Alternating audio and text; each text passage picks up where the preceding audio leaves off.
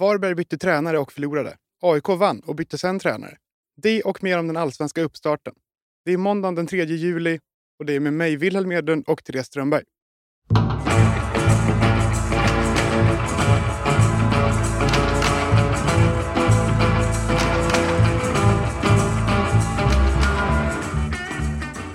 Therese, vi går direkt på det. AIK vann och vann och sparkade tränaren. Ja, det var ju eh, en eh, smärre chock man fick när man eh, satt på Tele2 Arena igår och kollade på Djurgården mot eh, Varberg i en inte sådär eh, jättesprakande tillställning. Eh, men så helt plötsligt så, så blev det sprakande ändå när hela pressläktaren bara, alla bara vände sig mot varandra och bara såhär AIK sparkar brännan, AIK sparkar brännan, AIK sparkar brännan och så bara såg man hur alla satt med, liksom, med sina datorer frenetiskt och började fundera på vad det var som egentligen eh, hände i AIK. Sen kom det ju rätt så snabbt att eh, de hade gjort klart med eh, Henning Berg och då följer bitarna lite mer, då kändes det inte lika konstigt längre. Men man vart ju ändå som du säger ganska chockad när det först kom en, ett, en kommuniké om att han får gå och sen fem minuter senare så har de gjort klart med ny tränare. Och det här direkt efter att de har vunnit för första gången på jättelänge och efter ett långt uppehåll.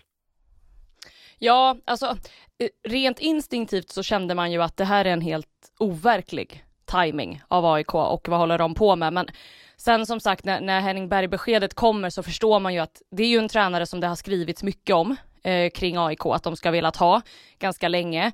Eh, och sannolikt då så lyckades de inte av någon anledning göra klart med honom innan. Hade de kunnat hade de ju säkert velat göra sig av med brännan eh, precis när uppehållet började för att ge eh, Henning Berg de här veckorna på sig att, att träna med laget.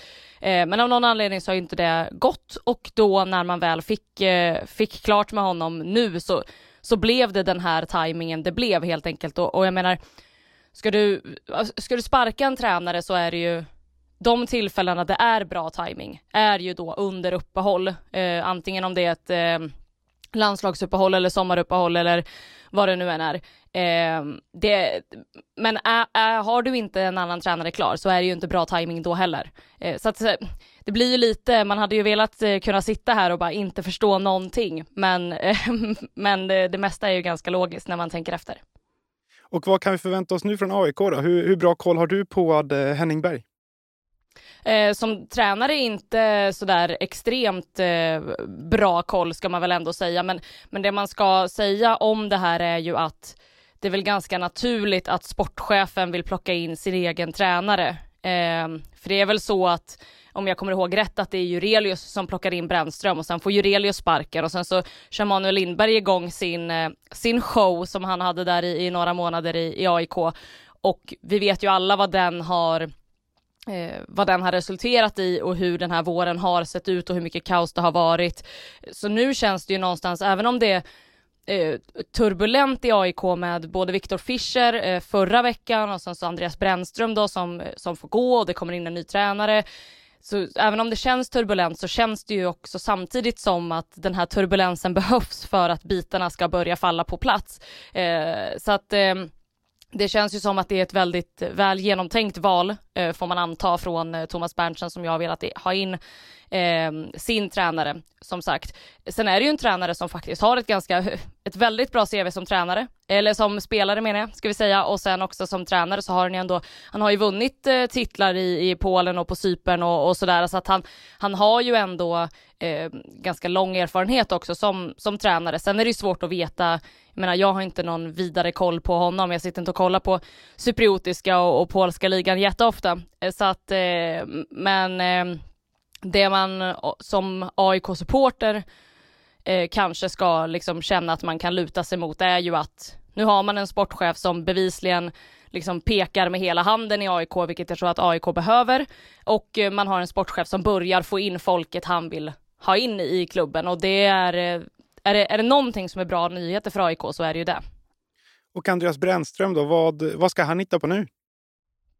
Just nu tror jag att han ska ta det lugnt en stund för att det har varit eh, jobbiga månader för honom i, i AIK och eh, sannolikt så, så har han ju i och med att han får sparken så kommer han ju ha pengar som rullar in i ett antal månader framöver så att på så sätt behöver ju inte Brännström ha någon super eh, superbråttom eh, till ett nytt jobb och det tror jag inte att han kommer ha heller.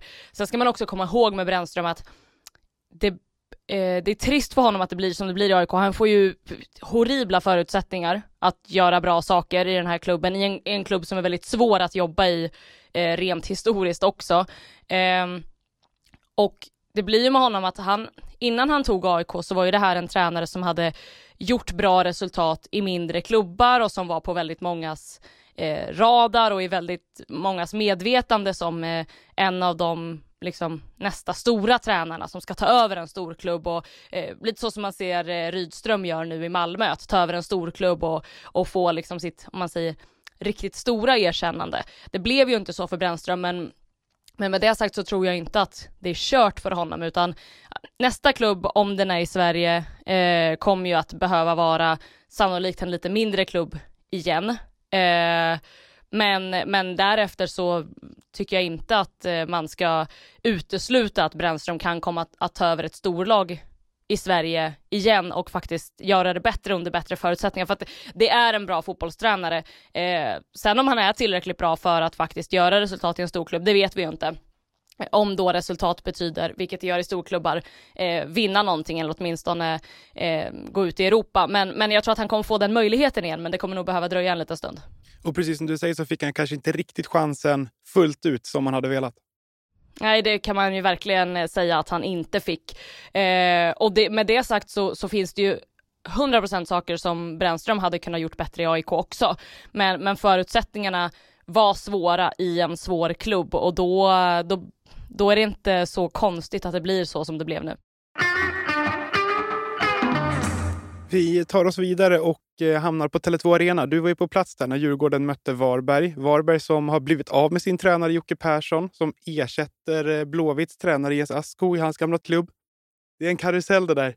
Ja, det brukar ju kunna bli det på, på somrarna, eh, karuseller kring både tränare och spelare och allt möjligt.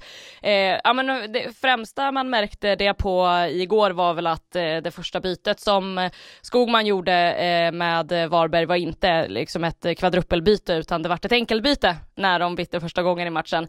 Eh, Nej men och sen var det ju också, han pratade lite grann om det efter matchen där att eh, eh tränat lite på att försöka hålla lite mer i bollen och försöka så att han, han har ändå mm, han har försökt, han har ju varit i, i föreningen ett tag men också försökt att, eh, ja men försökt att, att hitta någonting som ska i alla fall ge Varberg en liten, liten möjlighet att ta sig ur sin kris för att eh, den är väldigt, väldigt jobbig ska vi säga. Verkligen. Och för Djurgårdens del, och de ser ut att tappa sin vänsterback Elias Andersson till Polen. Vad, vad förlorar mm. de där? Det är mycket. Jättemycket. Det är ju, har ju varit en av, eh, en av Djurgårdens bästa spelare den här säsongen skulle jag säga. Han har ju gjort det jättebra sen han skolades om och petades ner på, på en vänsterback, men eh, sa ju det efter matchen igår att eh, det är eh, väldigt nära eh, och det bekräftades väl sen också av Bosse Andersson att han skulle få åka idag och träffa Lech Poznan eh, som ju är lite av en svensk klubb. Jesper Karlström bland annat spelar ju där, Mikael Ishak också och eh, Filip Dagerstål är det va? Eh, så att eh, han är ju relativt förlorad för, för Djurgården. Eh, han sa det igår att det känns väl lite sorgligt om det här var hans sista Djurgårdsmatch för att han trivs väldigt bra men samtidigt så är han ju väldigt tydlig med att han vill ut eh, och han vill spela någon annanstans än, än i Sverige och han vill eh, testa på och eh, Lech Poznan som sagt, bra miljö för svenska spelare. Och eh, på läktaren fanns Musa Gurbanli, en 21-årig azerbajdzjansk landslagsman. Ja, en spelare som då hade åkt i, i motsatt riktning, nästan i alla fall. Han hade fått, eh, fått tillåtelse att åka till Stockholm och eh, träffa Djurgården och, och Bosse Andersson var rätt tydlig efter matchen där att eh, ja, eftersom att han är här så kan ni ju förstå att vi har en en ganska tät dialog och det känns ju som att det här är väl sannolikt en spelare som kommer att bli klar ganska snart för Djurgården. Eh, det är en ung spelare, 21 år tror jag att han är och eh, ja, Bosse uttryckte det igår också att det är ett ganska viktigt klubbval i den åldern om du ska gå utomlands och, och testa på någonting nytt. Så att eh, eh, Få se eh, exakt vad allting landar i, men att, eh, att han kommer bli klar för Djurgården känns ju eh, som att eh, vi kan nästan slå fast i alla fall. Vi slår fast det, eller hur? Vi gör det. Han är klar. Och eh, Blåvitt då, de fortsätter att inte vinna. Hur, hur ska de någonsin kunna lösa det här? Ja, det är ju eh, den absolut bästa frågan eh, som finns just nu i allsvenskan. Eh, det är ju så här, om man kollar på, på matchen som de gör i helgen så är ju det en ganska bra match ändå om man kollar spelmässigt. Man märker att det finns saker i, i Göteborg som ändå eh, drar dem framåt lite grann. Å andra sidan så har vi sagt det tidigare under säsongen också att man har tyckt under ett par matcher att jo men nu har de börjat hitta någonting här och även om de inte får liksom, eh, poängen med sig eller, eller segrarna med sig så känner man att eh, någonstans är de i alla fall på väg spelmässigt. Eh, men nu har ju de sin nya tränare Eh, däremot så känns det ju som, och det kanske är lite recency bias, att nu är, nu är AIK den klubben som här och nu gör stora förändringar och så känner man att AIK kommer att kunna rida ut det här i, i slutändan. Men om det blir bra det här för AIK eh, med sitt eh, tränarbyte och spelare på väg in och sådär så är det ju väldigt svårt att se hur, hur Göteborg också ska, för att jag menar, det är ändå en hel del klubbar som ska passeras för båda de här två om de ska ta sig upp på säker mark.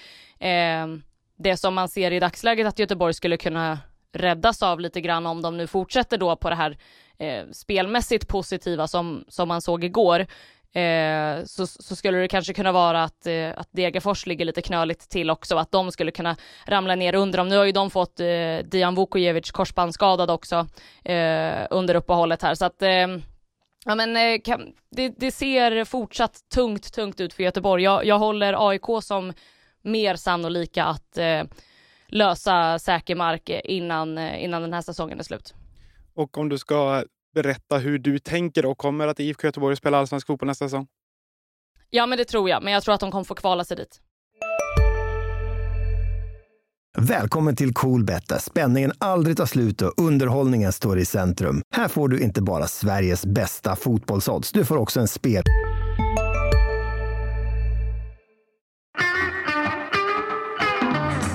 Och eh, på andra sidan Göteborg, på, eh, hos Häcken, ska jag säga, där har The Sun, den brittiska tabloiden, kommit med ett avslöjande om att Sheffield United ska vilja lägga drygt 68 miljoner kronor för att värva honom. Ja, och det är väl ett bud ungefär eh, på en nivå som Häcken kan tänka sig att släppa honom för. Man har ju pratat om det, Martin Eriksson, tidigare, att eh, man är i ett läge där man inte behöver rea ut sina spelare, de som det kommer in bud på, utan man kan sitta ganska lugnt i båten och, och känna att nej, men vi säljer bara om vi, om vi verkligen får pengar som, som betyder mycket för föreningen. Och det hade ju, ja men säg omkring 70 miljoner då, det hade, hade ju kunnat betyda väldigt mycket såklart för, för Häcken, så det är nog en summa som de kan tänka sig att släppa honom för. Ehm, eh, tråkigt för oss som konsumerar allsvenskan om det är så att han försvinner, för att det är ju en eh, fantastisk spelare att få kolla på. Och tråkigt om man hejar på Häcken väl, för att Benny Traoré går inte att ersätta för de pengarna. Jo, det är klart att han går att ersätta. Däremot så är det ju väldigt svårt eftersom att det är ju en spelare med ett eh, ganska brett register och som är eh, fantastiskt eh, duktig. Det, det, säger ju ganska mycket när det är eh, engelska klubbar på den nivån som, som är ute efter, efter en spelare. Eh, men det är klart att eh, Häcken har gjort det väldigt bra med eh, väldigt många av sina spelare, många spelare som man inte såg skulle ha den höjden i sig som de har haft senaste ja, ett och ett halvt året, eh, har, har de lyckats få väldigt bra ordning på, så att man ska inte liksom in Högmo We Trust eh, ska man nog eh, luta sig tillbaka och, och, säga om man håller på Häcken. För det där tror jag, alldeles oavsett om de blir av med honom så tror jag att det, det kommer gå fortsatt bra för Häcken. Det återstår att se. Det är en ny allsvensk omgång till helgen och den ser vi fram emot med spänning, eller hur? Det gör vi verkligen.